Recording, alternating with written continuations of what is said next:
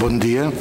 És un plaer tenir avui entre nosaltres Ramon Solsona, una de les veus més poderoses de la narrativa catalana dels nostres dies i un escriptor que l'any 1989 va fer una entrada de cavall sicilià en el món literari amb figures de calidoscopi. Una novel·la esplèndida que en els seus orígens va tenir, em sap greu dir-ho com a gironí, una relació no gaire afortunada amb Girona. M'explico. Eh? Figures de calidoscopi es va presentar el 1987 al Premi Prudència Bertrana, però no el va guanyar. El jurat no va saber apreciar les virtuts de la novel·la, que potser es va presentar en una versió no tan acabada com la que es publicaria dos anys més tard. I el jurat va acabar declarant desert el premi. Deia Jorge Luis Borges que publicar no forma part del destí essencial d'un escriptor.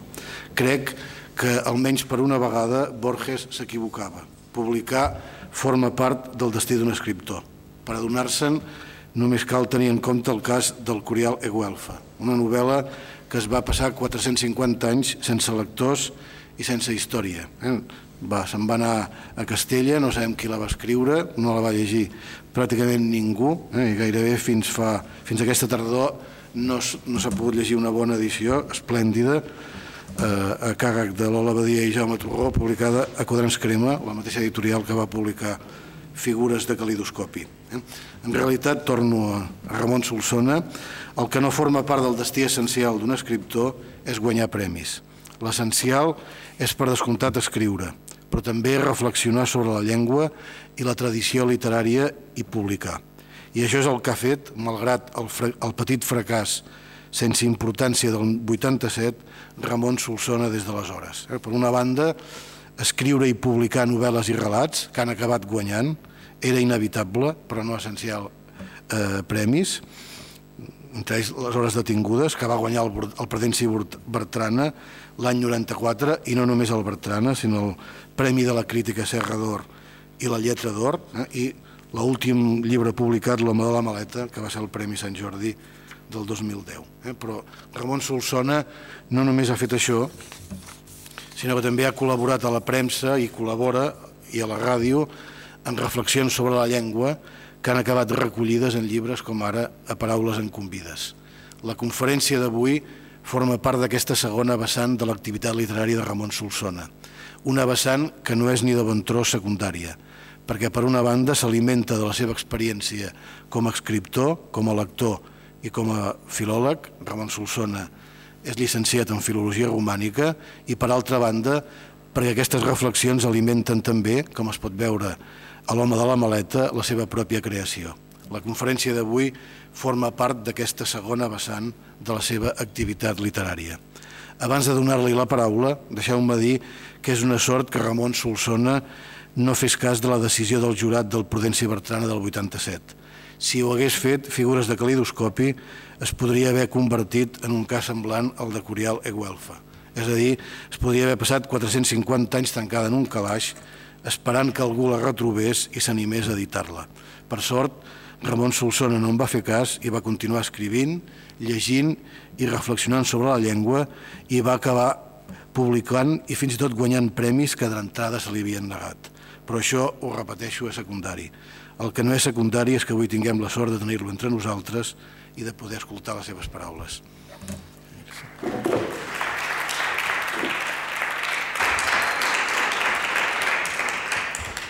Moltes gràcies. Se'm sent bé? Sí? Eh, moltes gràcies per aquestes paraules, per aquest recordatori. Durant un cert temps després la cosa es va apaivagar cada vegada que venia aquí a Girona hi havia els periodistes que em preguntaven el Prudenci Bertran aquell que van declarar desert, etc. Ja no me'n recordava eh, no li tinc cap mena de, de rancor a la ciutat, eh? només faltaria. Eh, de totes maneres, deixeu-me dir una cosa molt curiosa. Eh, abans de, de les vacances de Nadal vaig fer una conferència dins del cicle de Paraula Viva a la Universitat de Barcelona i allà em van portar a la capella. Aquí torno a ser en una capella i m'agrada molt perquè em sembla que aquestes coses s'haurien de fer sempre a la capella. Ho vaig dir aleshores i, i ho dic ara.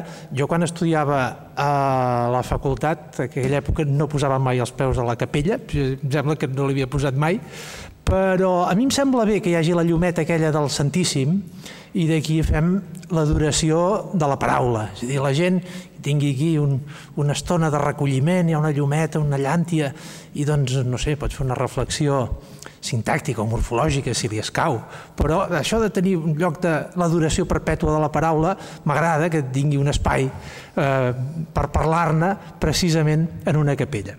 Eh, jo he de parlar de la llengua eh, des del punt de vista de l'experiència personal. No sóc eh, professor universitari, no sóc periodista, encara que tot arreu es diu que sóc periodista, he acabat acceptant-ho perquè em, em porta més temps desmentir-ho, és igual, faig periodisme, això sí, eh, no sóc historiador de la llengua, no sóc sociòleg, no sóc res de tot això, sóc un escriptor que intenta escriure tan bé com sap i eh, us vull eh, fer algunes reflexions, em sap greu si repeteixo coses que hagin pogut dir persones que han fet la conferència abans que jo. Mm, I en primer lloc eh, faré dues parts, una dedicada a la llengua mm, col·loquial, a la paraula del carrer, eh, que té molta relació amb la literatura, però abans us vull fer una trajectòria per explicar on em sento jo. M'ha anat bé perquè tot el que diré, que són, són apunts eh, només, eh, els tinc molt vius i molt presents, però m'ha anat bé perquè així també els sintetitzo. Jo eh, parteixo d'una reflexió, recordo que eh, alguna vegada em van preguntar algun periodista, escolti, vostè, eh, fa, fa anys d'això, eh? vostè també creu que la pàtria de l'escriptor és l'idioma? I vaig dir sí, d'inèrcia. I, I després hi he pensat molt sobre això. I per mi la llengua no és la pàtria de l'escriptor, sí, o dels escriptors, crec que la pàtria dels escriptors és la literatura. Que eh, tot això mm, són, són imatges que no tenen massa importància, eh? però tinc la sensació que la pàtria de, la, de tots els escriptors és la literatura, de tot el món, sigui escriptors russos, sigui escriptors japonesos, sigui l'escriptor que viu a la cantonada de casa o de la meva escala, que n'hi ha un. Mm, és, és una pàtria comuna, aquí ens alimentem tots. En canvi, la llengua és una cosa, m'agrada més aquella definició que a vegades es diu de Heidegger, que és la casa de l'ànima. Jo crec que la llengua té un component eh, d'ADN, té un component anatòmic, té un component de constitució pràcticament físic. Per mi, la llengua és el sistema respiratori, és o l'aparell respiratori, el sistema muscular, és eh, els òrgans sensorials de l'escriptor, d'una manera que t'enllacen amb, amb el teu entorn. En alguna ocasió se m'ha acudit de dir la llengua és el vi de la terra. Ja sé que és una tautologia, tots els vins són de la terra, però ho dic expressament perquè la llengua té molt a veure amb la terra, cada terra fa unes plantes, cada terra fa una vegetació i un mateix cep no és el mateix en una terra que en una altra.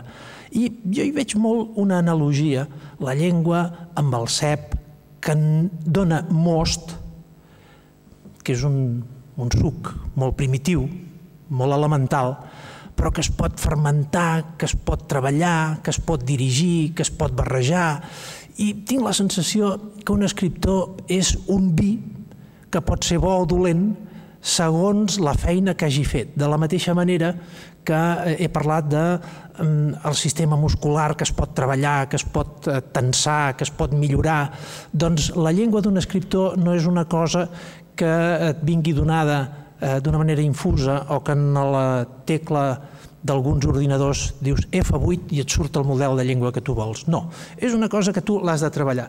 No entenc l'escriptor, sé que n'hi ha, eh? i sobretot ho sé perquè m'ho diuen els correctors, correctors de premsa, correctors d'editorials, de, eh, hi ha eh, escriptors que no treballen la llengua, que no s'estimen la llengua, que no són apassionats per la llengua. Em sorprèn molt que sigui així. A mi em costa molt d'entendre que un escriptor no estigui meravellat per la llengua, perquè la feina d'un escriptor és barallar-se amb la llengua dia a dia, és barallar-se amb la llengua paraula per paraula, és eh, trobar tresors i agafar grans empipades per les mancances de la llengua o per les teves mancances perquè no arribes a expressar amb precisió, amb, amb, amb exactitud allò que voldries dir i, i tu tens un treball cosa a cosa amb la llengua. No entenc que la feina de l'escriptor no passi per aquesta mena de dolç via crucis, si es pot dir així, perquè és una feina apassionant, de treball amb la llengua, forçant-la, esprement-la, violentant-la, si cal, que d'això en parlaré després. No cal dir que jo, que sóc d'un ram gairebé antipoètic, que és la, la novel·la, que toca molt a la vida de cada dia, eh, no cal dir que la poesia té pràcticament l'obligació de violentar el llenguatge, eh, començant per la semàntica. Eh, aquesta és una feina pròpia de l'escriptor.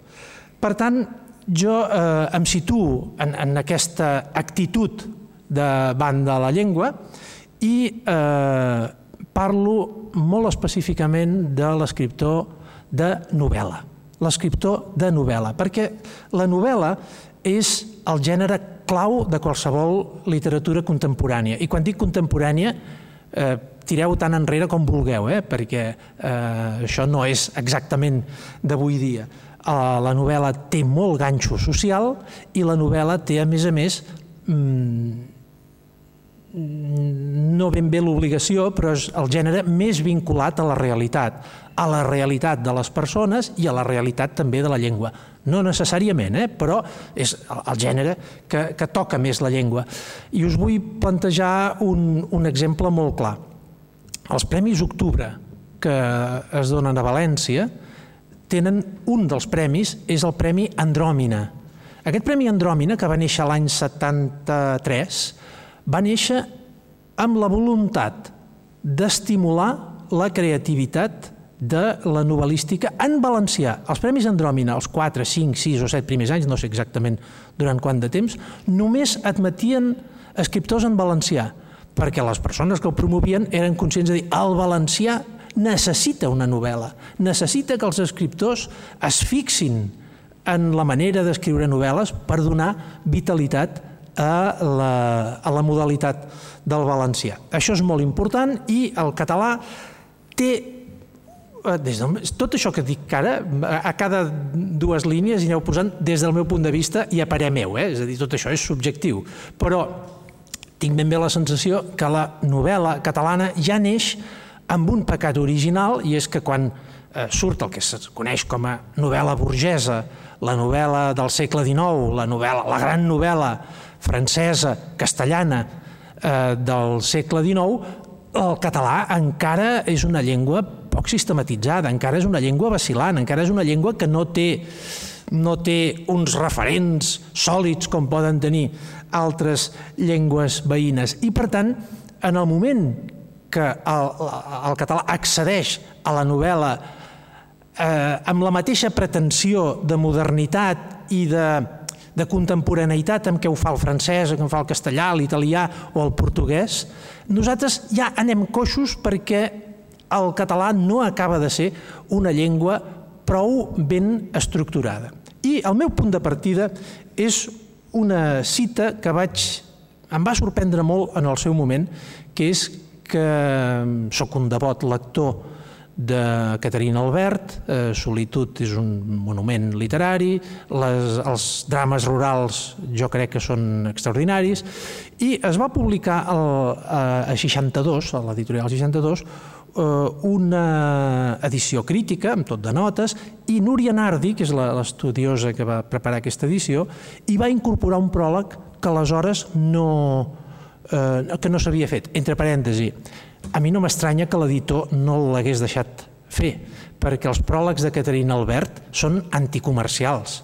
Eh, intenten dissuadir el lector, de dir, no llegeixis això, eh, tu, de misela, escaienta de misela, no sé què, ha, és una, no sé si hi ha ombrívoles o caires vius, i en el cas de, de solitud ve a dir que és una obra que no està prou acabada, que és una obra que no és reeixida. Diu, així, llegidor, te confesso que, a mon entendre, trobaràs a mancar en solitud la fortalesa de la concentració, l'entrebancament del mètode, la serenor del repòs depurador i el casticisme assolible ja avui en nostra llengua. I, en canvi, trobaràs que hi sobren tota mena d'errades d'estampa i de ploma, tot una llista de defectes. No m'estranya que l'editor digués, escolta, això no, no es pot començar el llibre així, però em va cridar molt l'atenció que el 1905 digués Caterina Albert el casticisme assolible ja avui en nostra llengua.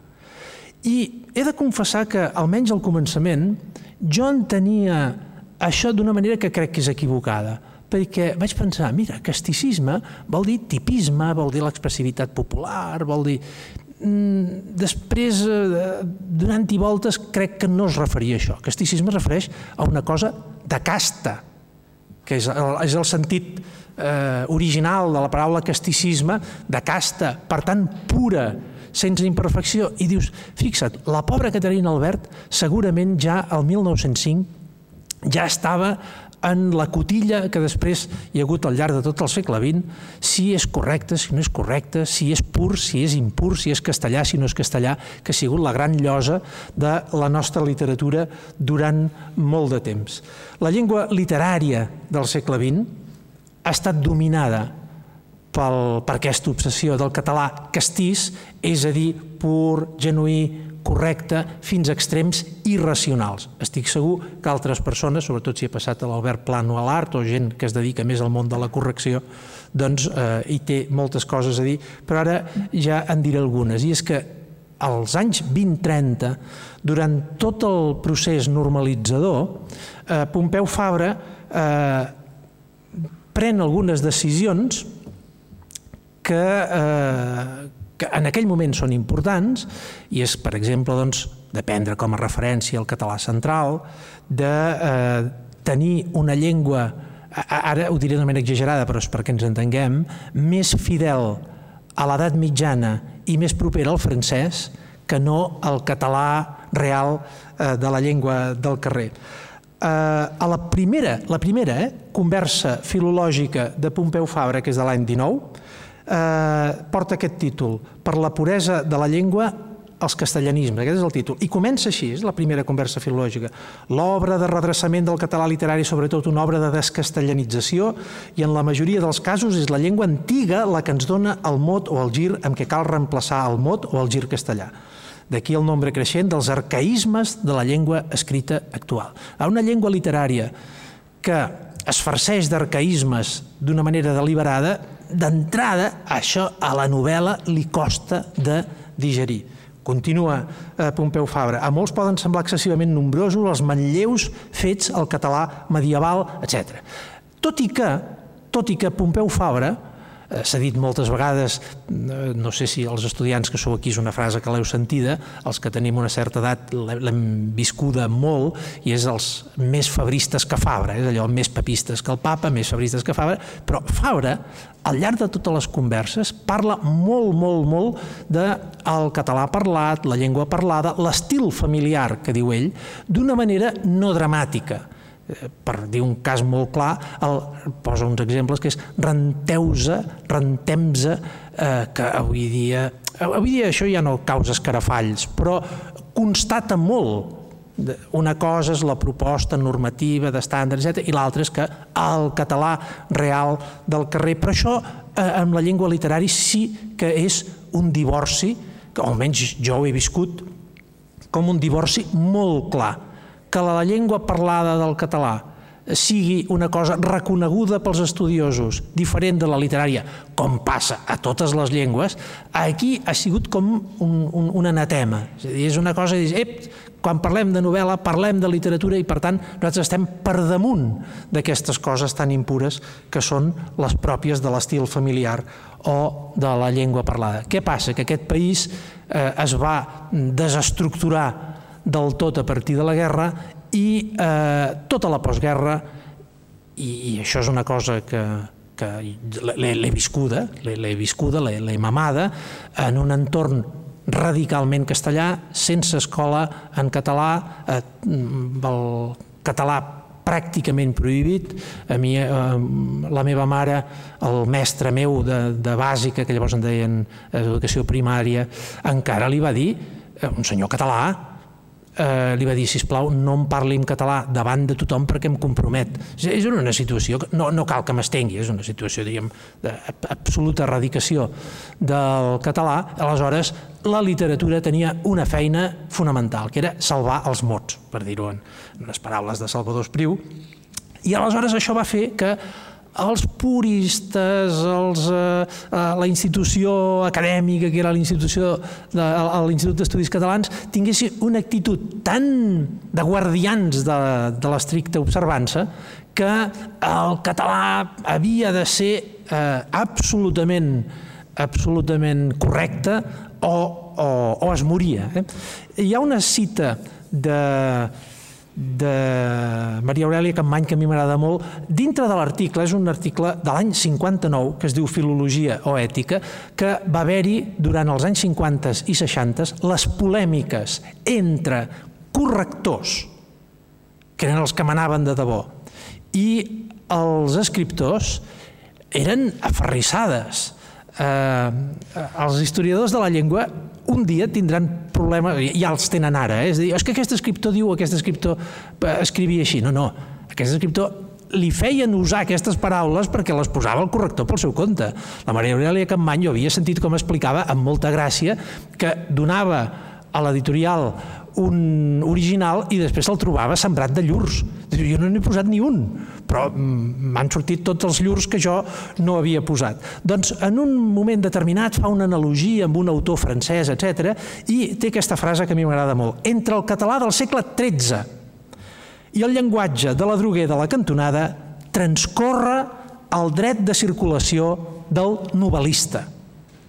Eh, eh, Maria Aurelia Campany era novel·lista, entre altres coses. Aleshores, un novel·lista que ha d'escriure, després parlaré més de, dels, dels llurs i aquestes coses, que ha d'escriure en una llengua ortopèdica, forçada, acadèmica, eh, això és pràcticament eh, contradictori amb el que és l'essència del gènere. Hi ha molt material, tinc una carta de Joan Fuster a Joan Sales que diu el valencià, eh, l'assagista valencià, Joan Fuster, l'any 61. Ara, als 50 anys d'existència de l'Institut, l'Institut d'Estudis Catalans, seria lògic que aquesta venerable corporació quedés reduïda a les labors pròpies del seu sexe. Tenia molta gràcia com escrivia. Eh, diu, superada la primera etapa anàrquica, havia arribat l'hora dels escriptors. Per mi això és molt important. Escolta, hem de salvar els mots, escolta, que això eh, hem de conservar, hem de conservar, hem de conservar. Ah, ha arribat l'hora dels escriptors. L'escriptor és el que crea llengua. L'escriptor és el que no està amb, amb el nas enganxat a l'acadèmia, a, a, a les normes. Eh, és una persona que, que vola, és una persona que coneix la llengua, però la fa créixer. El bon escriptor crea llenguatge. No és el, el, que, el que està encotillat i, a més a més, per si encara ho està poc per ell mateix, encara li acaben d'estrenya més la cotilla. No, és l'hora dels escriptors.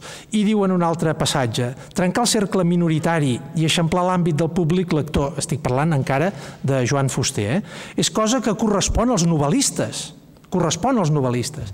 I aleshores un mínim de prudència i d'estratègia aconsella l'abandó d'àducs, calcom, llur i fins i tot comiats.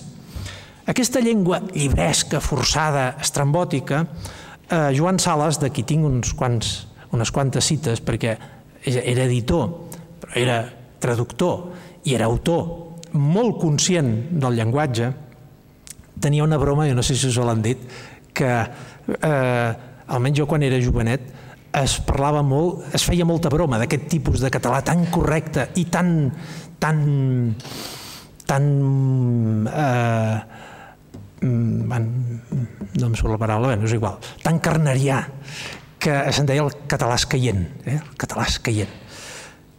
I en Joan Sales va fer una quarteta humorística que deia tots aquests éssers tan purs, amb tots els seus àducs i homs, i tan carregats de llurs, m'estan tocant els calcoms. Eh, eh, és que calcom no deia ningú, però s'havia d'escriure sempre el calcom, etc. Eh, Joan Sales té unes cartes interessantíssimes a Joan Coromines molt interessants, que se les tenien, eh? se les tenien per carta, però em feia unes reflexions, jo crec, molt encertades. Diu Joan Sales, el mal és fora de nosaltres. Això és important, eh? És dir, el mal és fora de nosaltres. Nosaltres, els escriptors, els parlants, estem carregats per una sèrie, o aprofito per dir-ho, eh? per una sèrie de qüestions que són extralingüístiques i que ens condicionen a vegades excessivament la llengua. Eh? Diu nosaltres, en el país que no acaba de rotllar.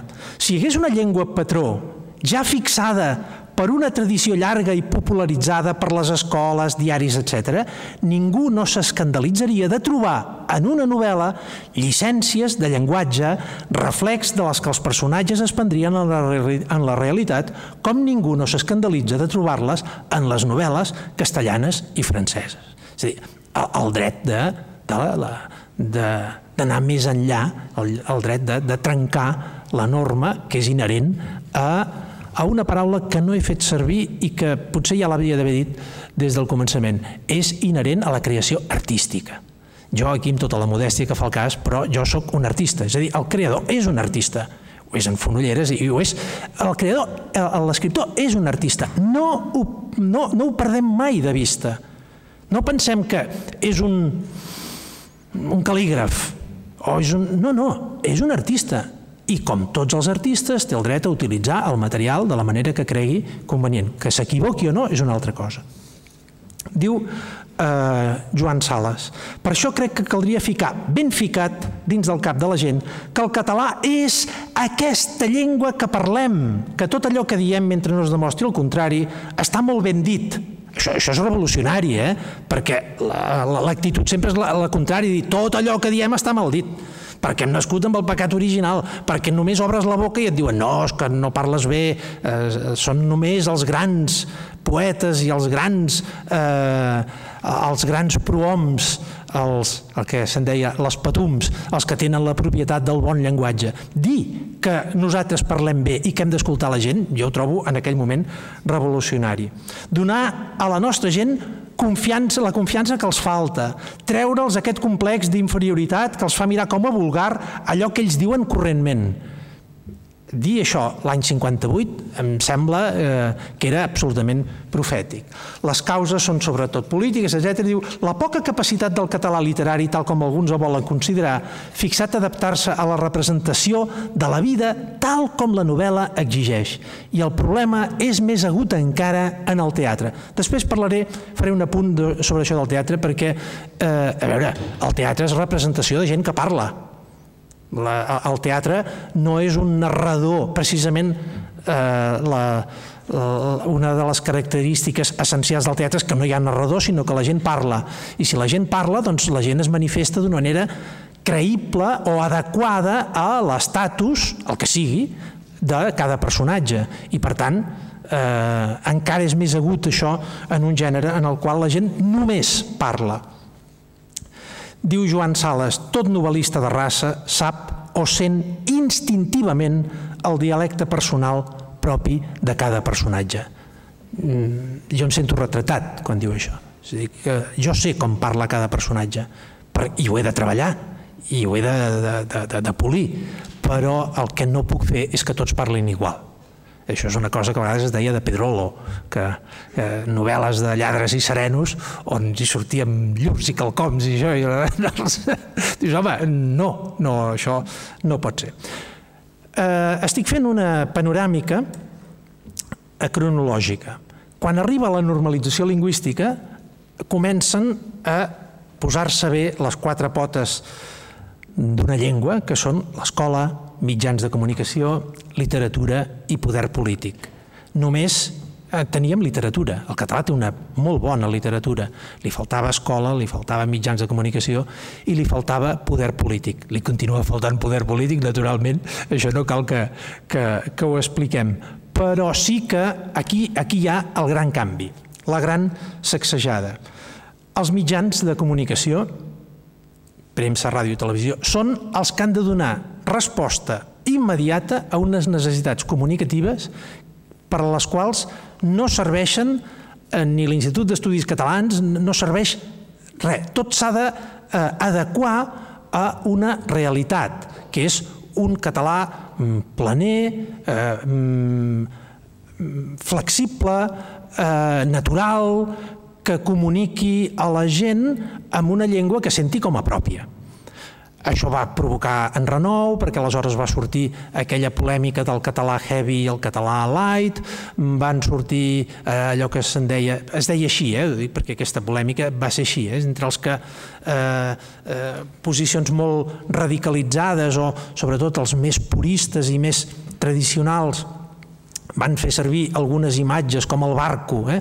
Es deia el grup del barco, perquè reivindicaven com a natural la paraula barco i d'altres, eh? barco, clero, eh, eh, recolzats en, en, en la ciència de, de Coromines, però això és anecdòtic. Només es tracta que hi havia un grup, eh, va, va sortir la necessitat a tots els mitjans de comunicació d'adequar el llenguatge ràpid de la ràdio, de la televisió, de la premsa, a un llenguatge molt més realista, molt més eficaç i que eh, va provocar algunes tendències extremes que és allò que sempre s'ha conegut com el català que ara es parla, en referència a Pitarra, que és dir, tot val, tot val. Eh, no hi ha barreres i si el català està contaminat, que ho estigui, endavant. Això la, la gent sensata no ho ha fet mai i no ho ha fet ningú dels mitjans de comunicació. Ara, és cert que és una trinxera molt difícil. Jo a qualsevol persona, jo no ho he fet, eh? Però jo no he estat corrector, però a qualsevol persona que, que creu que té la solució del català i de, que la TV3 té la culpa de tot sempre, mm, de tot, també del català, el, oh, és que el català, TV3, molt bé, d'acord, té la culpa, però ara posa't tu a TV3, eh, posa't tu en la, en la barricada dels que eh, estan fent la correcció lingüística, etc. I veuràs què t'arriba i veuràs quina capacitat tens de, d'intervenció.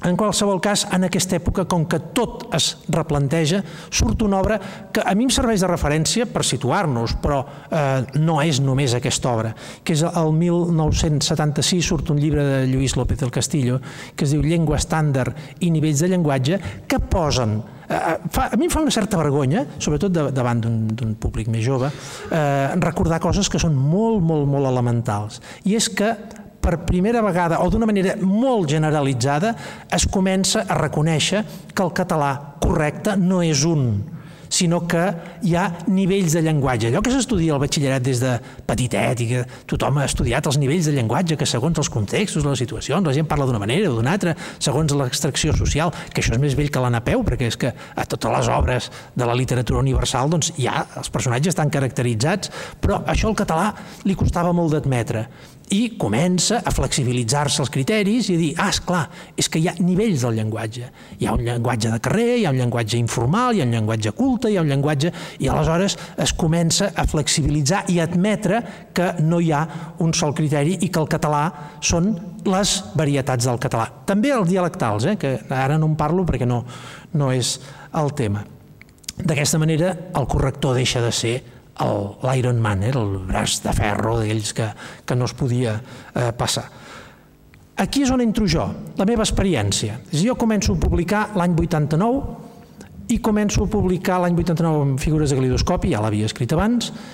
La meva experiència, eh, jo vaig anar a parar amb una editorial on tenien uns criteris molt bons, amb gent molt bona, i eh, mai vaig topar amb un corrector, és a dir, la meva experiència, accepta alguna vegada, però per mi el corrector és un, un assessor, un conseller, un mentor, un ajudant, un... jo he tingut eh, algun corrector extraordinari.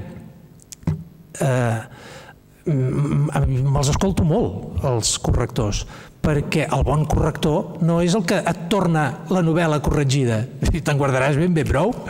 Corrector d'estil. Hi ha, hi ha un, aquí hi ha un malentès, eh? Quan es diu corrector d'estil, vol dir estil tipogràfic. Tipogràfic, no literari. Escolta, l'estil el poso jo. I mm, eh, jo no admeto que una persona em canviï paraules, que hi ha un error, és clar, hi ha errors tipogràfics, hi ha eh, castellanismes que se t'escapen quan no toquen, tot això, però eh, el bon corrector és el que es fa càrrec de quin és el registre que has triat i que et suggereix eh, et diu incoherències, detecta coses que no funcionen, aquest és el bon corrector. Per tant, jo no, no he participat d'això.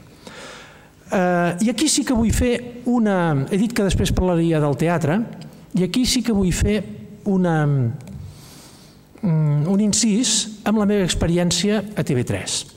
Jo he, he estat, he fet bastants guions a TV3 i bàsicament vull destacar dues etapes. Una, l'estació d'enllaç, que ja, d'això ja fa anys, que vaig treballar amb un equip dirigit per Jaume Cabré, que va passar per aquí, i una altra, al cor de la ciutat, els dos primers anys. Eh, això, eh, això és, és important que ho, que ho destaqui, eh? perquè primera anomalia, ni el Jaume Cabré ni jo havíem d'haver estat guionistes de televisió.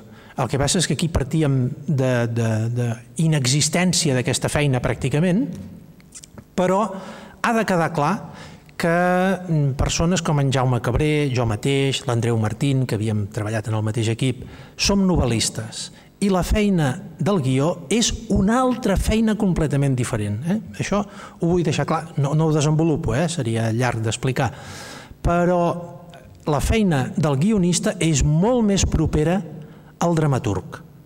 De manera que no és estrany que avui doncs, relacionem mm, Sergi Balbel, Sergi Pompenmayer, Jordi Galceran, Ignasi Garcia, eh, persones que han fet guionatge i que eh, fan obres de teatre. Aquest, aquests mons sí que són molt més propers.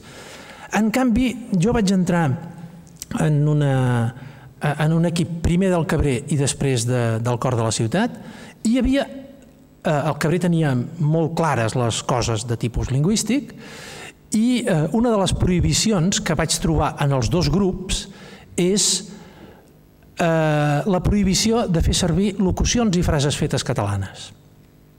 Fora, fora. A veure, dit per en Jaume Cabré, és que sabia el que es feia, per què ho feia? En aquell moment, perquè hi havia una actitud de la gent que volia demostrar que per escriure bon català posava frases fetes on no tocava. Vas posant girs eh, catalans mm, per, perquè quedi molt nostrat i això mm, era forçat. Però a l'hora de la veritat, els personatges que per edat, per circumstàncies, per context, ho havien de fer servir, ho feien servir. És a dir, era una, una prohibició relativa Coi, quan vaig fer el cor de la ciutat, em vaig trobar unes quantes sorpreses. Primera, primera sorpresa, no estava gens clar que els guionistes fossin escriptors. Deien, no, nosaltres no som escriptors. I, com que no? Tu en el moment que poses dues paraules per un ordre determinat o estàs a l'ordinador i les canvies d'ordre és que ets un escriptor. Tu no poses les paraules perquè sí de qualsevol manera un guionista és... No, no, no, el guionista és diferent, mostra la realitat. No, no, no, no. oi que tu eh, envies un guió farcit de paraules, que algunes són acotacions i no es diuen, però d'altres els personatges parlen, tu ets un escriptor. Negar que un guionista sigui escriptor, és, des del meu punt de vista, és negar la major. Eh, un altre, prohibits els girs, els girs catalans. Clar, només me'ls prohibien a mi.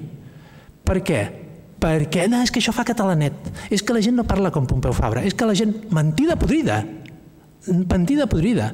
Tu pots fer un català molt correcte, molt col·loquial i magnífic sense que es noti. És clar que ho pots fer. Què passava? Que hi havia una ignorància profunda de l'idioma. Parlo d'una manera injusta perquè estic generalitzant i no era així, naturalment. Però hi havia una ignorància tan forta de l'idioma que cada vegada que sortien mm, grups propis del català, ai no, això fa catalanet, això no, no, no, no. Però tota la fraseologia castellana a raig. I això, això a mi em sublevava, em sublevava. Per què? Què faltava? Faltava sentit propi de la llengua. Faltava una cosa que ara passaré a la meva experiència també als mitjans, faltava la consciència lingüística que comença per dir aquesta és la meva llengua, o jo treballo en un mitjà que té aquesta llengua com a mitjà de, com a llengua d'expressió, però és que a més a més estem en un context clarament de substitució. Estem en un procés de substitució que fa molt de temps que dura i que estem a dintre. A mi ningú m'ha convençut encara que això s'hagi acabat o que hi hagi reculat. Estem en un procés de substitució. Tu, com a autor, que té presència que té possibilitat d'arribar 200, 300, 400, 500, 1.000 persones. Fins i tot alguns capítols de, de TV3 poden arribar a 800.000 i a un milió alguns. Tu vol dir que et fas escoltar per tanta gent. Tens una incidència mínima, però tu tens la possibilitat de, de fer una, una feina o pots dir, com diu aquell, que cabron i que això es converteixi en una, en una falca popular quan és un què i cabron, tots dos. No tenim en català una, una fraseologia anàloga i que ningú et pugui acusar de medievalista? No ho tenim? A mi aquestes coses, m'ho noteu amb el to, mm, m'irriten, m'irriten molt. Treballar amb gent que s'expressa professionalment en una llengua i que no fa ni una engruna d'esforç per conèixer, millorar, explotar l'expressivitat d'aquella llengua. A TV3 els lingüistes de Plató, i, i hi havia, almenys jo n'havia conegut algú, hi havia gent molt bona. El lingüista és el que retoca, refà, repassa els guions, després hi ha els lingüistes de Plató que intenten que els, els actors no diguin disbarats fonètics, és a dir, que, que bé, fan el que poden, eh? fan el que poden. Però hi havia una cosa que em sublevava, i és que tu llegeixes el guió d'un company i hi havia uns errors determinats, a vegades molt, molt, molt elementals que ofenien la vista, i te'ls trobaves en el següent guió, i en el següent, i en el següent, i en el següent. Dius, no et fa vergonya que, que t'ho hagin de corregir? No, és que no hi havia coerció i, en fi, jo entenc que quan tu treballes en un mitjà on la llengua és fonamental, ha d'haver-hi primer un nivell d'autoexigència i, si no, una exigència superior de dir, escolta, o, o millores això o en buscarem un altre. Com que això no es produïa, doncs hi havia aquesta falta de eh, consciència lingüística que es traduïa en aquesta, eh, diríem, prohibició comodíssima de dir, no, els girs catalans fora però els, els girs de fora, tots, eh? sense ser-ne conscient. No anem bé, eh? No anem bé. Eh, en aquest procés de mitjà eh, que sense voler-ho, però es va posant a favor del corrent de substitució, jo he notat que, eh, que, que, que perdem terreny, i no estic dient res nou, eh? i recordo una cosa que deia molt el, eh, Joan Solà. Ho deia sovint. És en la fraseologia on ens juguem el futur del català. Jo fa molt de temps que estic insistint en la fraseologia i sé que la fraseologia té un, té, té un, un màxim i un, i un mínim. Eh, la fraseologia no pot ser que la gent parli d'una manera impostada eh, que la gent faci servir mm, així frases fetes, girs catalans, només per, perquè sembli que... No, no, això, això, això, això és fals, això, això no va enlloc. Però jo eh, faig col·laboracions periòdiques, demà he d'anar a la ràdio, i vaig, ara hi vaig cada dimarts, eh, i parlo de coses de llengua.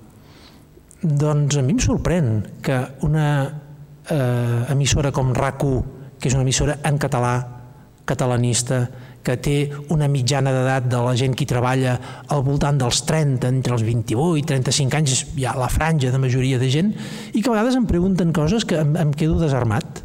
I a vegades ja m'estan esperant, escolta, això es diu... I, per exemple, jo en tinc algunes denotades que m'han preguntat, eh? engegar dida, ni, ni idea eh, de què vol dir engegar dida. Arribar a misses dites, desquitllentes, tenir la cua de palla, fer un bisbe, donar peixet, treure o sortir de polleguera, bitllo, bitllo. A vegades algú se t'acosta i diu, escolta, això... I eh, quan tu ho expliques, tens la sensació que l'altre eh, et mira com dient, però això ho diu algú? Això... Mm, això deu ser de, dels besavis, tu, perquè ets un carrincló i doncs, fa servir aquestes coses, però això no ho diu ningú. Eh, és una punyalada que mentre per aquí em surt per darrere cada vegada, perquè eh, normalment quan em pregunten coses d'aquestes sí que a vegades hi ha expressions en desús i que no té cap més importància, però quan són expressions que jo crec que són, eh, almenys formen part del meu col·loquial, del català col·loquial de cada dia, el que hem amat, em, em, em dol molt. Estem en un moment complicat, jo ara us porto aquí alguns exemples recents. Al metro de Barcelona, si entreu, trobareu un cartell que diu les normes estan per complir-les. Eh, l'eslògan d'Iniciativa per Catalunya, almenys a Barcelona, de les recents eleccions, va ser a sobre ens volen fer callar.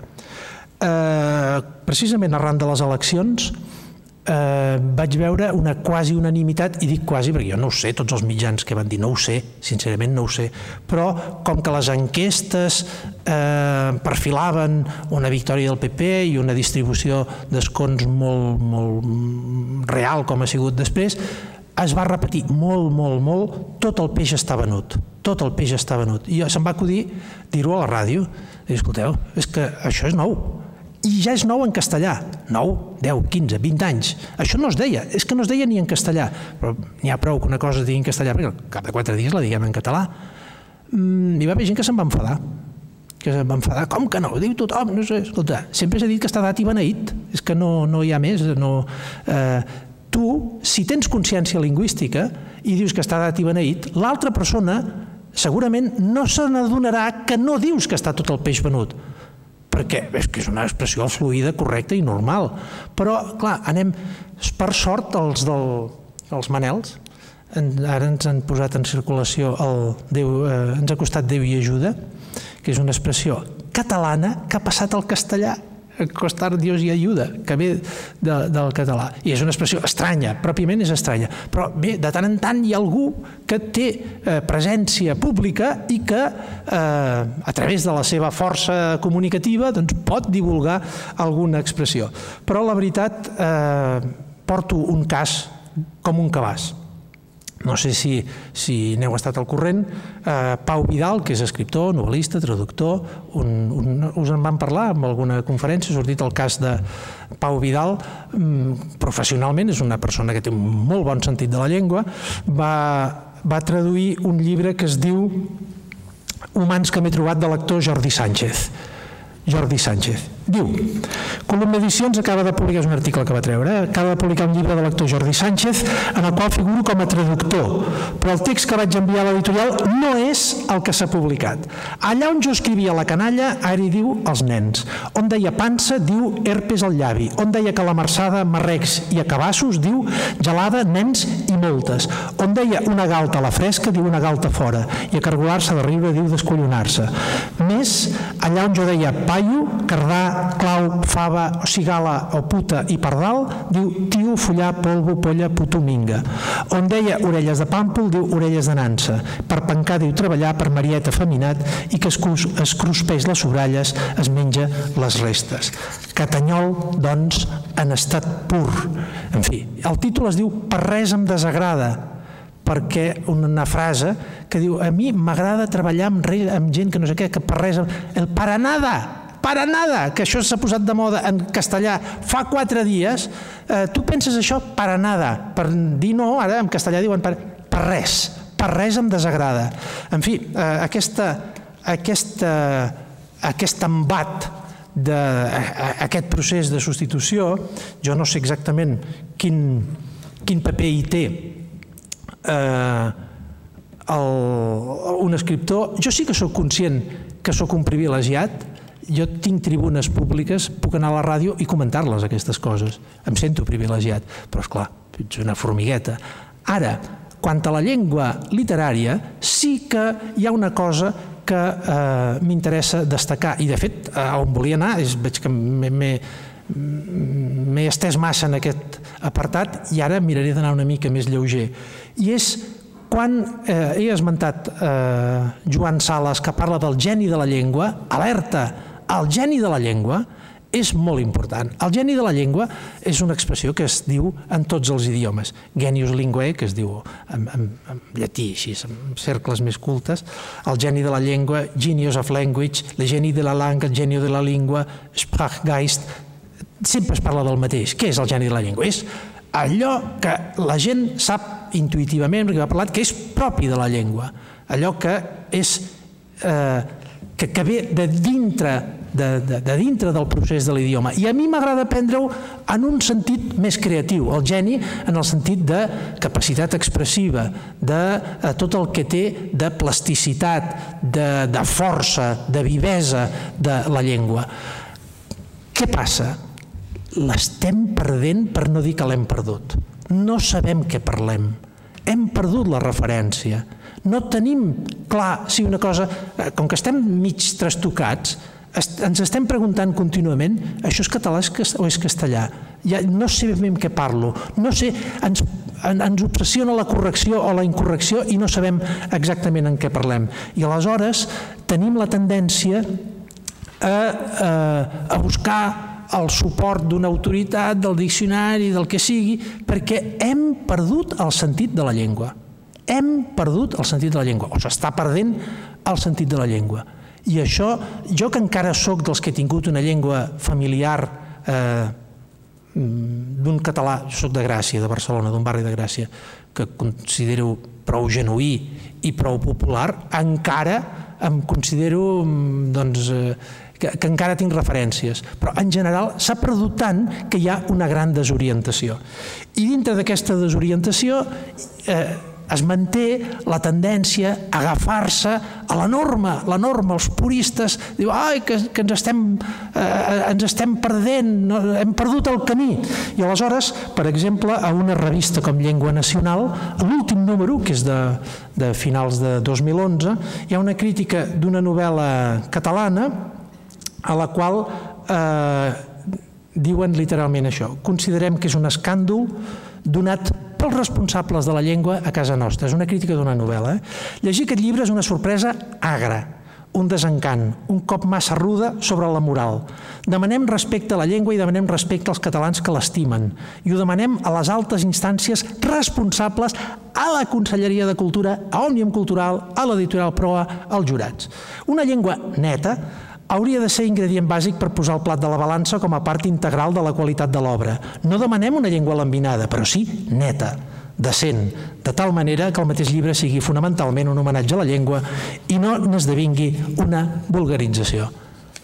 La novel·la, el llibre al qual fa referència és meu, és l'home de la maleta, que eh, a, a jutjar, segons el que diuen aquests senyors, no utilitza una llengua neta, eh, en fi, es veu que hi havia d'haver intervingut la Conselleria de Cultura, els alts responsables de la llengua havien d'haver-hi fet alguna cosa per evitar que aquesta novel·la hagués sortit com ha sortit, com va sortir. Per què? Perquè he intentat eh, fer mm, un, una trajectòria d'aquestes dues coses que no casen, que són la llengua viva, la llengua viva a la qual no li fa cas ningú, exagero, però perquè ens entenguem, perquè sempre ha estat desprestigiada, i d'una altra banda, la llengua literària portada a un camí de desvinculació de la llengua real.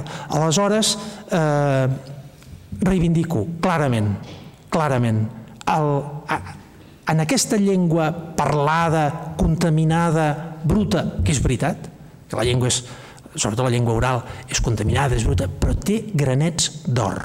Té com aquells buscadors d'or que, que van, aquells de les pel·lícules dels westerns, que van amb aquell sedàs passant, hi ha molta pedra, molta, van llançar, tant, tant hi ha alguna coseta. Si un escriptor està amatent a la llengua del seu voltant, troba eh, granets d'or en la llengua viva, en la llengua popular. Eh, a l'home de la maleta he volgut fer això que deien aquests senyors, jo crec que són senyors grans, eh, m'imagino, que diuen ah, eh, una novel·la ha de ser un homenatge a la llengua. Jo he volgut fer un homenatge a la llengua. Com?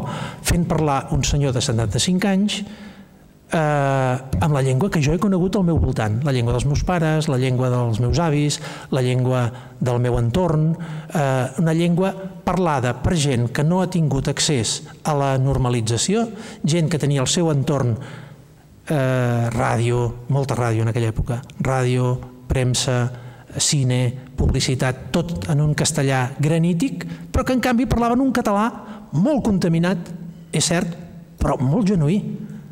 Un català molt més bo d'allò que ells es pensen. Eh, que tots hem sentit dir tantes vegades gent gran que, oh, jo, jo, jo no el sé el català, segurament no el saben escriure i segurament no saben la normativa, però tenen una fraseologia, tenen una, una, una quantitat de, de, fins i tot de sintaxi, de, de, de girs molt catalans, molt catalans. Aleshores, a mi m'ha sorprès que jo vaig voler fer una persona que parla en primera persona i que parla amb aquest català per donar-ne testimoni per fer allò que deia el, el Joan Sales l'any 58. Això no hauria de sorprendre ningú perquè en totes les llengües doncs, per necessitats estilístiques de la novel·la, que ja ho porta, doncs hi ha obres que de tant en tant, jo no dic que s'hagi de fer, però si s'ha si, de fer, per què no, de tant en tant doncs, eh, trenquen la norma i s'acosten a la llengua real. Ja no diguem en anglès i el francès l'argot, que a vegades no entens res, perquè és, és una llengua completament eh, de carrer. Aleshores jo vaig fer tota una sèrie de documentació i m'ha sorprès que, eh, a veure, jo m'esperava moltes garrotades, moltes, i n'he tingut poques, he tingut incomprensions de l'estil de dir tant d'esperar tot allò que hem hagut de patir per tenir una llengua normalitzada i ara ve el Solsona i, i, i s'ho carrega tot. Però m'esperava més garrotades. Eh, en canvi, he tingut molta més comprensió de la que necessitava, perquè la gent està madura, perquè la gent ho, ho entén. Allò, dels registres avui dia s'entén molt bé. I, en canvi, m'he trobat que mm, amb bastanta amplitud eh, semblava com si jo beneís una sèrie de barbarismes. És clar, és que ell es fa càrrec, que la gent... No, no, és que no, no, jo no, no, no és això el que volia fer. Jo el que volia fer és dir que al costat dels barbarismes hi ha eh, hi ha coses que algú ha detectat, però poca gent, eh? Vulgarismes pròpics i exclusius del català. El català vulgar, el català de carrer, el català col·loquial, com totes les llengües, té algunes característiques que no se solen tenir en compte. I això no ve del castellà, eh? Ara, ara en diré alguns. Això, eh, això és propi del català i, i ho hem de menys tenir. Jo tenia ganes que hi hagués un document, que no sóc l'únic, eh? però a veure, a veure si la literatura no pot tenir un document de, literari, de dir, és que en una època determinada es parla així. Per exemple, barbarismes. Eh, m'he fet tres columnes, eh? Eh? He posat alguns exemples, són molts, perquè jo tinc, tinc molts fulls jo de, de, de notes preses andando que es gerundio, paracaídas, apellido, enfermedad, vamos home, vamos, un préstamo, embustero, pelendengues, tot manga per ombro, i ha que, que a mi em dol posar això, crec que ho havia de posar alguns, eh, la fetge, etc. Eh? Això són barbarismes claríssims, i no els reivindico, eh? però també hi ha eh, vulgarismes eh, tot un límit i tampoc podia fer una transcripció fonètica. Els personatges no diuen jo, ho haurien d'haver, però no ho vaig escriure així, eh? però diu fandilles aixins, a llavors, llavors, a llavors, qualsevol sapiguer perspectiva, ser una cua de sagrantana, en recordar Sant, en fotre Sant, col·legit, grèmit, prèmit, re de re de junollons, infeliça, diferenta, la paella, equivocar-se, el telèfon, etc. Això, això és català, eh? És català vulgar, però això és català, eh? això no, no té la culpa els de Burgos i Valladolid. I després hi ha girs genuïns que la gent potser no nota, però és que jo volia que aquest senyor, al costat d'aquest andando que és Gerundio, digués el pas, no pas, aquest pas que s'està perdent de pressa, aquest senyor el diu amb naturalitat. Diu el dansar, que és el que jo he conegut, ara tothom diu desca, desca. Una cosa molt estranya. Desca no sé què, desca no... Jo no ho he sentit mai. És llibresc per mi, és una cosa de laboratori lingüístic, però jo el que he sentit sempre és d'aquell dia ençà, de les hores ençà, d'ençà, d'ençà. I aquest senyor diu d'ençà. I no sona, jo crec, a medieval, no sona a un senyor noucentista. El gaire, mm, no s'hi esforça gaire. Aquest gaire que s'està perdent, ell el diu, diu jovent, no diu els joves, diu jovent. Vull dir que eh, mm, té una sèrie d'expressions eh, tot l'odia, tot l'odia que jo sempre ho he sentit així amb aquesta expressió, eh? el tururut viola, un, llam, un, un bandau, un cop, eh? una bufetada, etc. Doncs tot això fins i tot m'ha sorprès quan hi ha gent que m'han fet entrevistes radiofòniques i em parlaven de... Diu, és que, clar, la gent, hi ha un personatge que es diu eh, em, em fa gràcia com ho diuen, encarnació. No, no, es diu encarnació. És la senyora Encarnació. I hi ha un personatge que és el Miracielos, que com ho deia la meva àvia, d'un personatge del barri que li deia el Miracielos. Clar, quan em diuen el Miracielos, no, no, no és el Miracielos, perquè aquest senyor parla així i parla de sinvergüenza, que no és ben bé un poca vergonya, un sinvergüenza és un sinvergüenza. I que hi ha paraules castellanes, castellanes, però que només fem servir en català. Un malandando no ho diuen en castellà ser un malandando. Oh, malandando, és una paraula castellana. Té molta gràcia dit en català. O una, el cantamanyanes. El cantamanyanes, que és molt nostre, i clar que és castellà, però nosaltres eh, entenem que una persona que té una manera d'expressar-se eh, marcada, viva, forta, doncs eh, fa servir aquest tipus d'expressions. Tot això era per introduir el tema el tema que ja només deixaré apuntat eh? però eh, volia anar a parar al geni del català popular. El català popular existeix. El català popular es pot anar a buscar, es pot treballar i no només entre la gent del nostre entorn, que moltes vegades ens fa mal a les orelles, però també també també fa servir girs, mm, expressions, metàfores, a vegades improvisades, molt interessants. Recordeu que Joan Maragall, a l'elogi de la paraula, es queda embadalit amb un pastor, parla del pastor. Recordeu que Joan Coromines, tan intel·lectual i erudit, amb qui es queda embadalit moltes vegades és amb pastors, amb pagesos, amb gent eh, ignorant, però que té un sentit molt profund del llenguatge, doncs mm, jo reivindico que baixem de l'aristocràcia i fem confiança al parlant, en aquest sentit que deia Joan Sales. Ja, ja està bé de dir que la gent parla malament, que la... és veritat, tot això és veritat, però també hi ha eh, geni de la llengua en el llenguatge del carrer i en el llenguatge popular i tot això que són exemples que portava els assalto i només us dic els epígrafs que volia comentar la literatura popular, corrandes, cançons tradicionals, estan plenes d'una expressió que a vegades és ingènua però també és maliciosa i també és enginyosa i també és, eh, és eh, plàstica, tenen, contenen geni de la llengua. Els refranys i els clichés lingüístics, alerta amb els refranys, eh? els refranys jo no, no és que els reivindiqui, però hi ha refranys, dos que he descobert últimament, d'aquesta tronada no plourà, gran refrany. Un altre, estreny el, que és una, un gir idiomàtic. Per això, parlant del PP, eh, que no sé què, això és estreny el, el cul després d'haver fet el pet. És fantàstic. És a dir, quan arribes tard o misses ara ja, ara ja està fet el mal, home, el català té expressions com aquestes. Escolteu, això, això està molt bé. Eufemismes, dobles intencions, equívocs, malnoms. Els malnoms i els renoms en català són una font d'enginy de, de, lingüístic. Eh, L'enginy popular que es dona moltes vegades. Per exemple, tant que es diu, ah, oh, es perd la fraseologia, que és veritat, però ara es diu una cosa que suposo que deu ser comuna al castellà i en altres llengües, però que té la seva gràcia. Allò que diem, li falta un bull, li falta un cargol, li falta no sé què, aquest li falten dos minuts de microones. Home, doncs és una, és una expressió que està ben vista, que la llengua té la capacitat de, de renovar-se i crear expressions d'aquest tipus.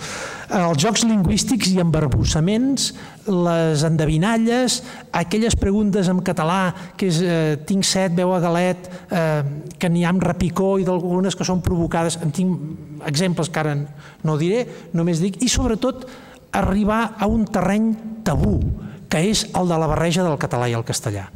Això, això eh, jo crec que està molt mal vist. Jo ho he fet en algunes novel·les, a la primera, Figures de glidoscopi, vaig escriure una sobre l'Emili on es barreja el català i el castellà, perquè és impensable que en l'Emili que vaig fer jo els capitans parlessin, diguessin el caporal. Un cabo era un cabo i un sargento era un sargento, no era un sergent. No, no.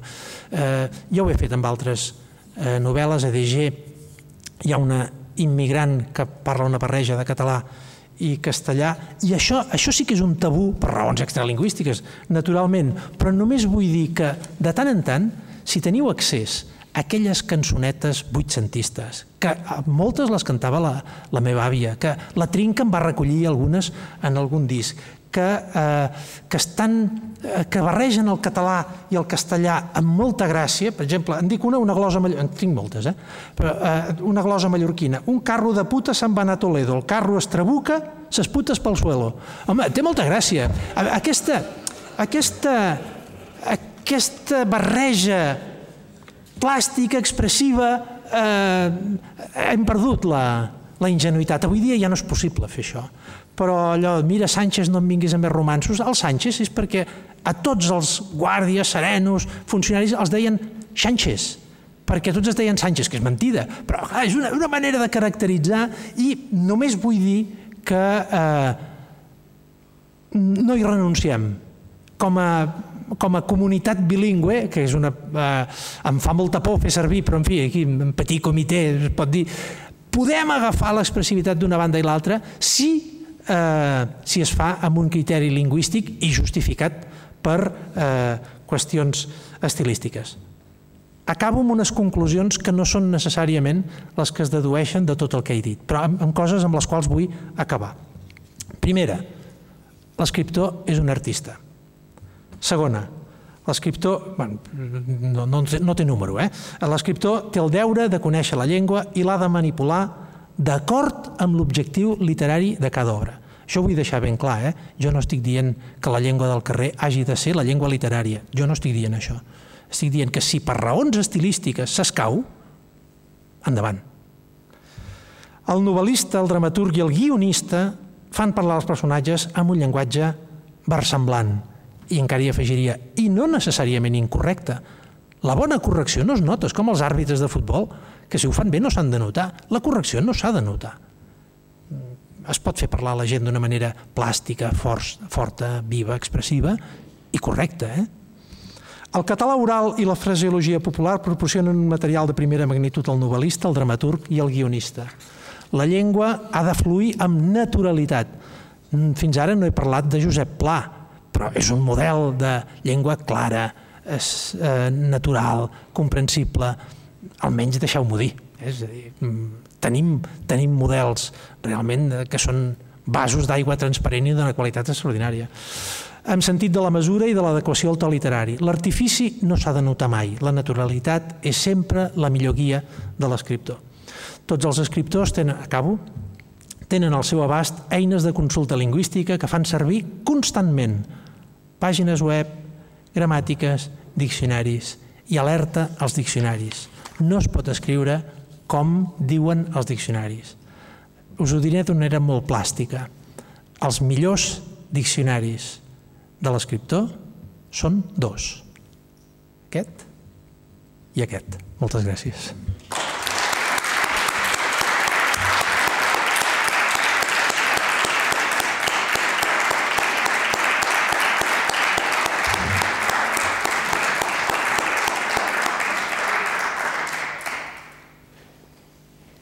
Pregunta?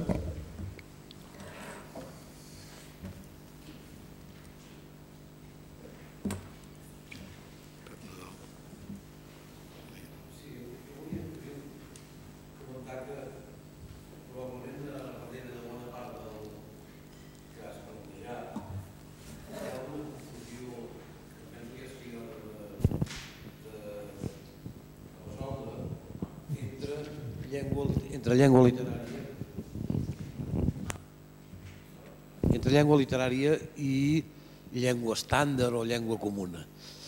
I això ve donat pel fet que, històricament, s'ha obligat els escriptors a fer una funció que no és la d'escriptor, sinó la de, tampoc la del gramàtic, sinó la de la, la vida natural. És a dir, la gent en un país natural, normal aprèn la llengua d'una manera normal, a casa, pel carrer, xerrant, eh, i després els escriptors la, la destrossen en el bon sentit, com vulguin, en funció del que ells creuen que han de fer. I aquí, com que no existeix la primera part de normalitat, s'ha hagut de fer fer als escriptors una feina que no era la seva. I això penso que bé, en part explica tot aquest problema que han acabat, eh, diguem, generant els correctors, eh, eh, l'encarcarament de la llengua literària, etc etc. Una segona qüestió que m'ha fet pensar la, la teva xerrada fa referència a la relació entre llengua escrita i, i literatura i, i llengua parlada. Perquè jo no tinc tan clar que eh, avui sigui fàcil de reflectir la realitat, de fer una llengua versemblant eh, en una novel·la, no sé ni si és possible. Eh, jo em recordo que ja fa anys que ho comentava en alguna classe, que eh, pensava que potser el fet que eh, la novel·la catalana tingui tanta tendència, curiosament no les teves, a ser novel·la històrica, novel·la intimista o novel·la imaginària, era per fugir la realitat actual que fa molt difícil, eh, o que és molt difícil de reflectir lingüísticament.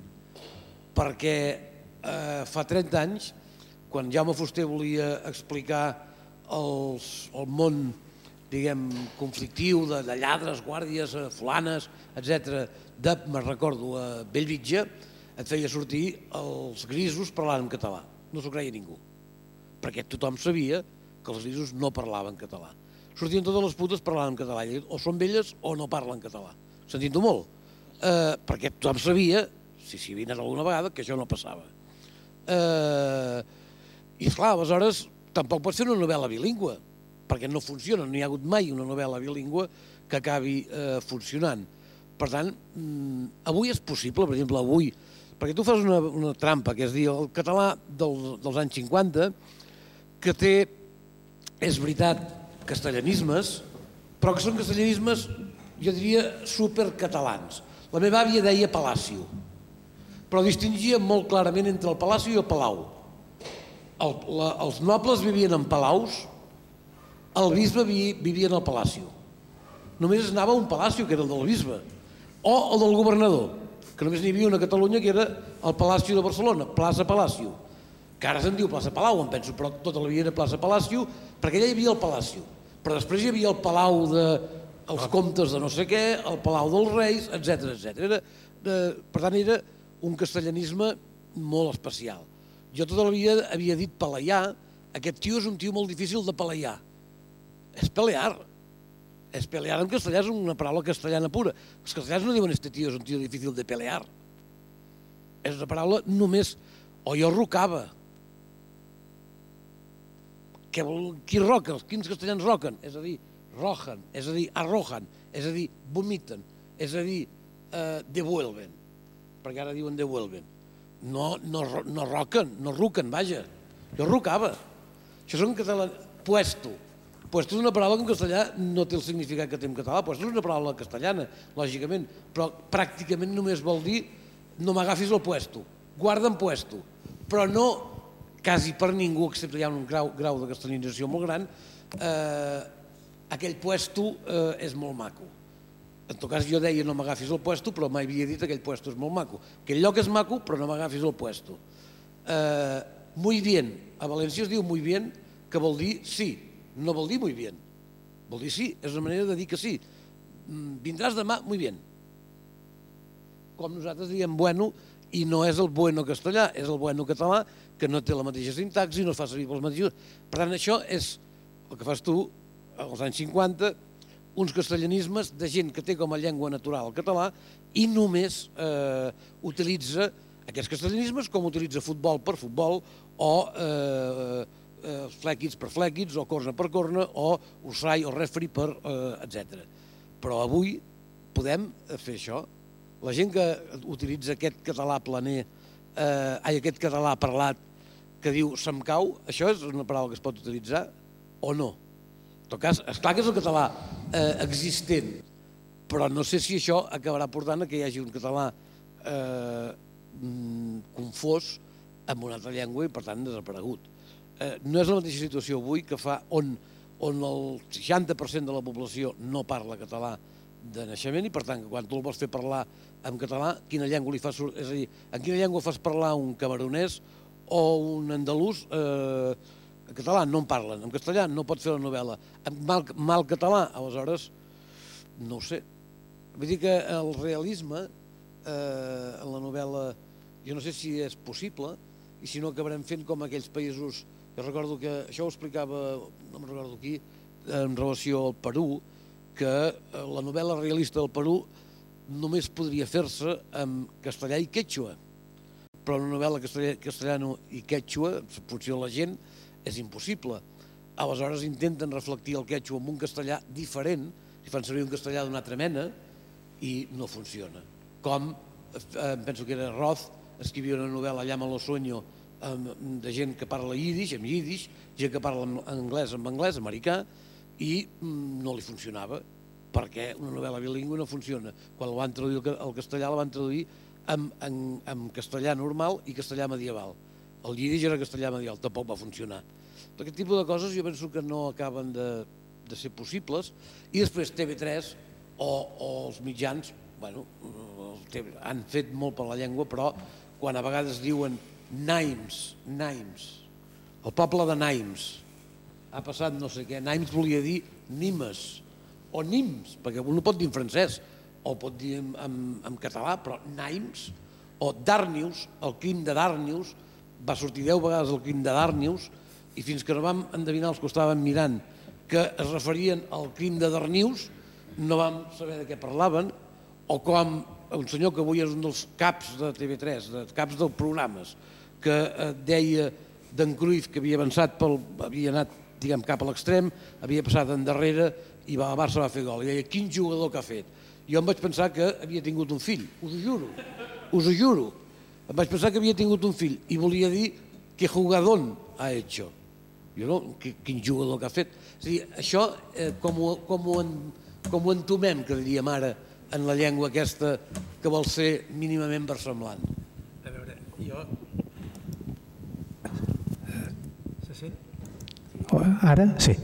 Eh, jo et responc per cortesia, però mm, subscric tota la teva reflexió, perquè és cert que eh, jo quan vaig fer l'home de la maleta volia donar testimoni d'aquest tipus de llenguatge i vaig agafar una persona de 75 anys pensant que ja era una mica massa jove.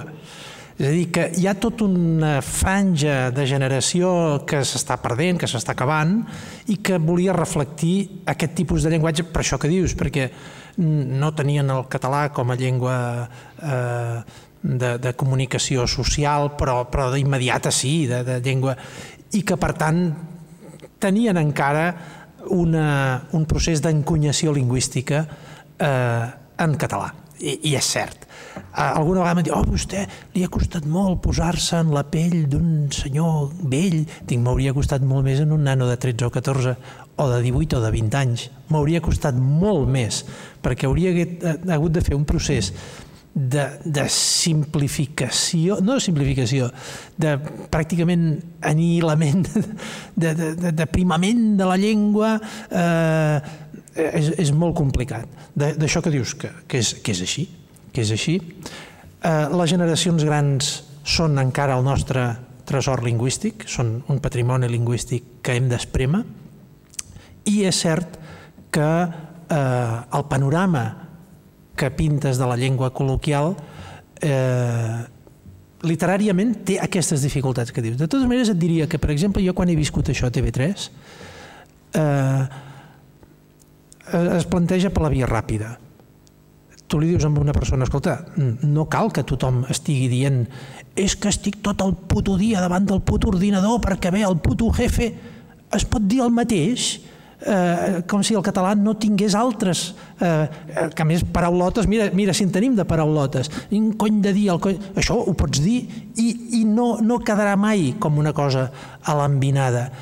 Eh, en canvi, es tira pel dret, de dir, ah, doncs mira, tu ets un professional de la, de l'expressió lingüística, de la, de la dramatúrgia en català, doncs espavila't perquè quedi presentat d'una manera prou decorosa perquè sigui creïble, perquè és veritat que eh, això que planteges eh, és, és, és un moll de l'os de, del, de la novel·la. De totes maneres, jo crec que el novel·lista té, té mm, el, el dret i fins i tot l'obligació de tirar pel dret, cosa que no fem. Mira, saps de què ve?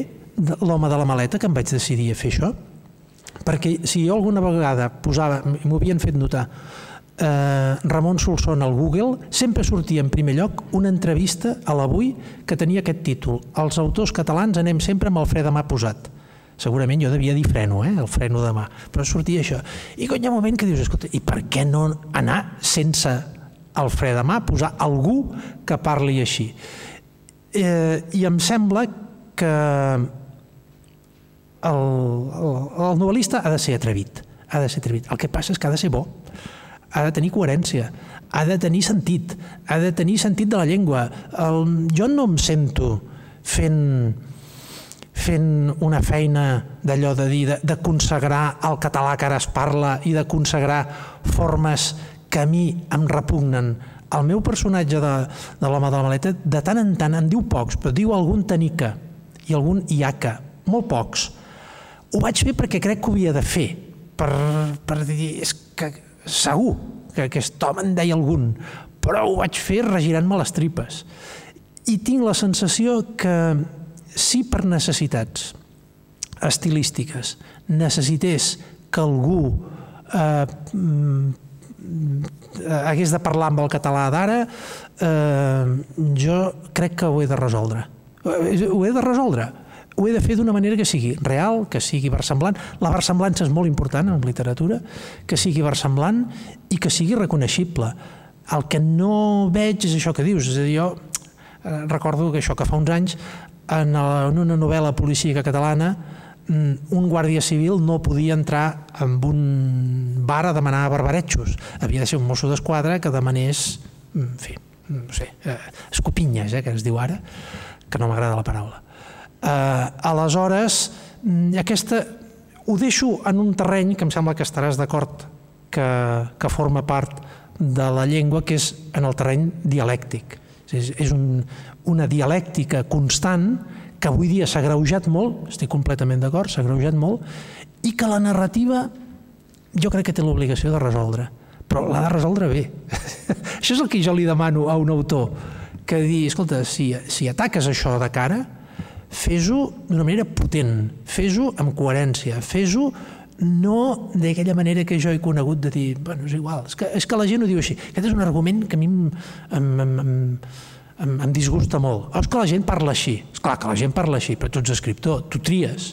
Tu, tu fas una, una elaboració d'allò i ho has d'oferir d'una manera que, que en conjunt no sigui pobra. I em sembla que és ho, ho diré una paraula molt convergent, és un repte. Eh?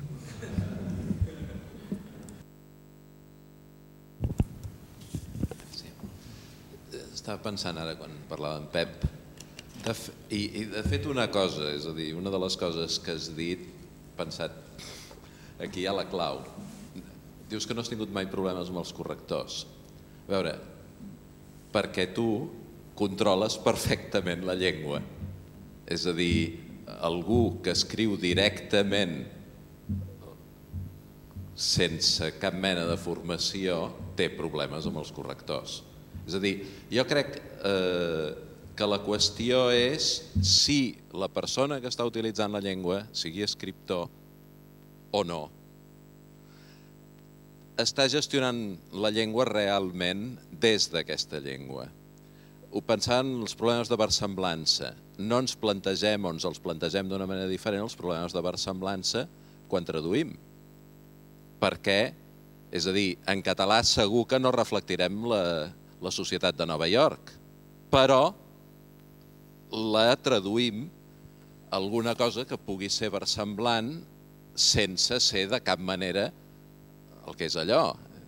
És clar, jo veure la sèrie sobre sobre la sèrie de, sobre el detectiu d'en Vázquez Montalbán, ara no em surt el nom del personatge, sobre en Carballo, ambientada al districte 5è, amb tothom parlant en català, com que em conec el districte 5è, em feia un efecte d'inversemblança. Ja pots dir barri xino, ja. El, ara se'n diu, ara, ara, ara el políticament correcte és el Raval. El Raval, sí. Doncs, ara, el, el món de Nova York no el conec i encara que el conegués, és a dir, estic, assumeixo perfectament que si estic mirant una sèrie doblada... Sí. Eh, eh, ara, quin és, quin és el punt que hi ha darrere d'això? Que realment el traductor assumeix la gestió del text. Eh, un escriptor en llengua catalana també assumeix la seva gestió del català, que és el teu cas algú, el que deies al començament, algú que és incapaç de gestionar la llengua, realment sorprèn que es consideri escriptor. Potser té bones històries i explica d'alguna manera les bones històries, però això no és un escriptor. Eh, jo, jo crec que, i, i aquí hi ha, en una situació com la que tenim, ja no sé si ens en sortirem, eh, en aquest sentit, sobretot de qualitat de llengua, fa la qualitat de llengua en el sentit que, que s'està dient ara. Eh? Eh, sembla que no ens en sortim, però evidentment hi ha un problema de formació al darrere, és a dir, de formar gent que a més a més de figurar com el 9.387 a les enquestes sobre gent que diuen que saben parlar català, sàpiga gestionar el seu català. Català no és pas la meva llengua materna, però jo crec que me'l sé gestionar el meu català. És a dir, aquests que tiren el dret a l'hora dels guions són gent que no gestiona el català des del català. Es fiquen al mig i, i, i mira. No? I a més a més amb prejudicis, perquè la gràcia és que sembla que els prejudicis es tenen des del, diguem-ne, purisme, però el prejudici, que això sona catalanet, sí, sí, sí. és un prejudici o no és un prejudici? I tant, sí, sí. Que dius, el que diu la gent, un cas molt clar... Que no soni a català. És que és fort, eh, sentir sí, això. Català que no soni català. Una, co una cosa del que dius del que diu la gent. Home, eh, s'ha d'escriure llum verda perquè és el que diu la gent. Tu has sentit mai ningú que digués avui eh, he donat llum verda al meu fill perquè es compri la bicicleta? Això és el que escriuen els periodistes, no el que diu la gent. És, Així, eh? és a dir, que hi ha el prejudici del que se suposa que ha de ser utilitzant eslògans d'aquests de, de facultat de comunicació. No? La cosa planera, el que diu la gent, has d'escriure com... No hi ha ningú que escrigui, cap periodista que escrigui en castellà com parla la gent, que s'estigui de dir permanecer quan parlant diria quedar-se. Sí, llavors en català diem romandre. Com que pensem en castellà, sí. aquesta Però... eh, botiga romandrà que... Però, en tot cas, és, hi ha això, és a dir, hi ha un... Pensant sí, justament en els registres, sí, sí. és clau. Jo d'això que dius eh, eh, vull comentar una cosa. Sí. La gent ha d'aprendre a gestionar la seva llengua i això, evidentment, s'ha de fer col·legi. És a dir, el, el francès oral és molt diferent del francès formal, moltíssim, però col·legi aprenen a gestionar-ho. I, I llavors, quan tu saps gestionar, et pots permetre perfectament de fer el que fas, és a dir, agafar l'home de la maleta i fer-li parlar d'una determinada manera. I si necessites un personatge que es caigui, faràs que es caigui perquè aquell personatge s'ha de caure. A tu no... Dubto que em faci cap, eh? que, caigui, que es caigui a les vuit i mitja. Eh, és, és a dir, tu no et caus. Perquè hi ha que caure. Tu, tu no et caus, és a dir, tu Tenim que... des, des de la teva capacitat de gestionar. Eh? Sí, sí. Si ell s'ha de caure, ja es caurà. Sí, sí. A veure, eh, has dit una cosa que aprofito, aprofito per portar-ho al meu terreny, eh?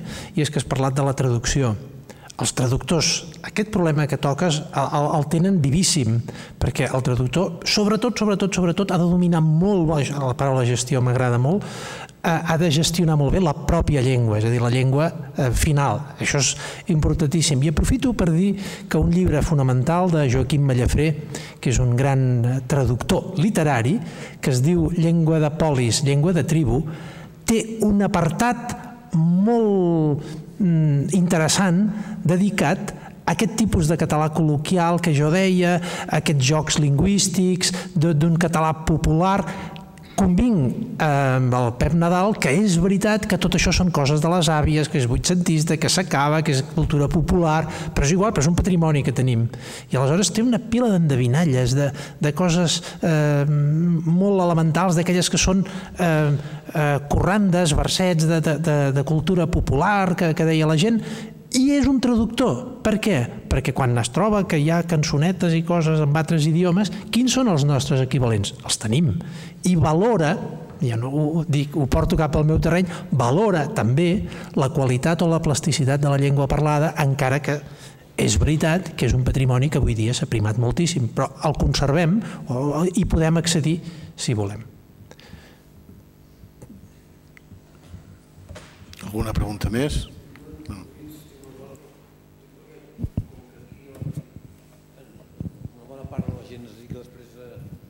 Ensenyar eh, català, eh, penso que ho hem de tenir en compte. Eh, el record d'aquests elements de puresa que avui pensem que són arcaïtzants i que potser són arcaïtzants en el sentit que no els fem servir mai, però hi ha moltes vegades que són normals en el sentit que et sonen com a normals i per tant si els veus utilitzats per algú no et sonen estranys perquè els has vist escrits o cantats per exemple, el plural en bau. Eh, jo no dic vingau, habitualment, però jo tota la vida havia cantat una cançó que era cantau, cantau, ninetes. No canteu, canteu, cantau, cantau. Com també dic adeu-siau, eh? Aquest encara queda. Però, a part d'adeu-siau, deia cantau, cantau. Per tant, quan jo veia un poema del de, eh, 19, començaments del 20, en bau, a mi no em, no em semblava gens estrany. Ara, avui, no per purisme, sinó per antipurisme, hem de normalitzar el català, hem d'utilitzar el català modern, aquest català que utilitza aus no pot ser, per tant, a escola ensenyarem cançonetes als nens, però no ensenyeu cantau, cantau, ninetes, ensenyeu bé, ensenyeu canteu, canteu. El lo neutre eh, jo no l'he utilitzat mai, però jo sempre hi he dit, pare nostre, que esteu en l'ocel, i tot el dia. Ara s'ensenyen els nens que no han de dir, ja no han de dir Pare Nostre, però si l'haguessin de dir, o allà on s'ensenya, han de dir Pare Nostre que esteu en el cel. El, eliminar aquests elements que són d'activació eh, de realitats lingüístiques, a vegades dialectals o a vegades passades, per tant dialectals d'una altra mena, eh, eliminen unes competències passives que jo penso que són fonamentals perquè una llengua funcioni amb registres possibles diferents i això, eh, en aquest cas concret, no és a causa del purisme, sinó a causa de les actituds antipuristes, que en aquest sentit m'ha fet gràcia la teva xerrada perquè una part semblava que era una crítica eh, al purisme i una altra part que semblava que era una crítica a l'excessiu antipurisme. I, la veritat és que certament és aquesta dialèctica, s'ha de veure per on s'ha de jugar, però voler-ho modernitzar tot també és absurd eh, la guerra sobre el barco i el vaixell, per exemple, era totalment absurda. Eh, jo sempre he dit barco, però quan jo dic barco amb els meus nets no m'entenen, perquè ells diuen vaixell. Per què és més modern barco que vaixell? Perquè l'Ivan Tubau deia barco. És que l'Ivan Tubau té 60 anys, no era un nen petit. Els nens petits que parlen català diuen vaixell. O, en tot cas, diuen més vaixell que barco o distingeixen un vaixell d'un barco. Un barco probablement és un barco de càrrega o un barco d'aquests que porta passatgers i un vaixell és una altra cosa. Però per ells vaixell és absolutament normal, però l'Ivan Tubau no. Però aleshores converteix el barco amb la bandera del català normal i converteix el vaixell amb la bandera del català normal. És a dir, eh, just al contrari del que al final, en la realitat d'avui dels nens, eh, ha acabat siguent. Bé, doncs són tres quarts de tres. Moltes gràcies per la conferència.